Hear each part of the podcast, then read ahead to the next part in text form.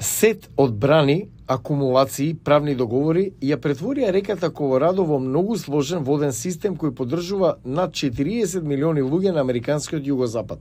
Седум сојузни држави, две мексикански држави и 30 племенски нации имаат право на водите на реката. Системот зависи од прецизните временски испуштања од двата неголеми резервоари во САД, езерото Мид и езерото Пауел.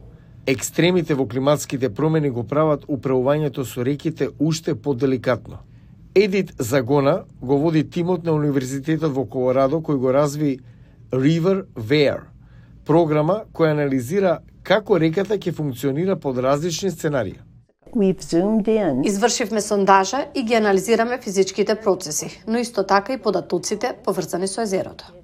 Предвидувањата за климата, стапките на испарување, производството на енергија, сите други фактори кои влијаат на реката се вклучени во моделот. Федералната агенција што управува со реката го користи RiverWare за да спроведе сценарија како на пример како ќе функционира напојувањето на реката во лоша сушна година. What is the reliability of Lake Powell? Дали може да сметаме езерото да обезбеди вода за оние многу сиромашни корисници на која им е необходна? Понекогаш е многу тешко да ги натерате сите корисници на вода да се договорат за тоа како да користат најекономично. Повеќето засегнати страни сега користат Riverware, а заедничката платформа помогна да се олеснат некои тешки прашања во преговорите.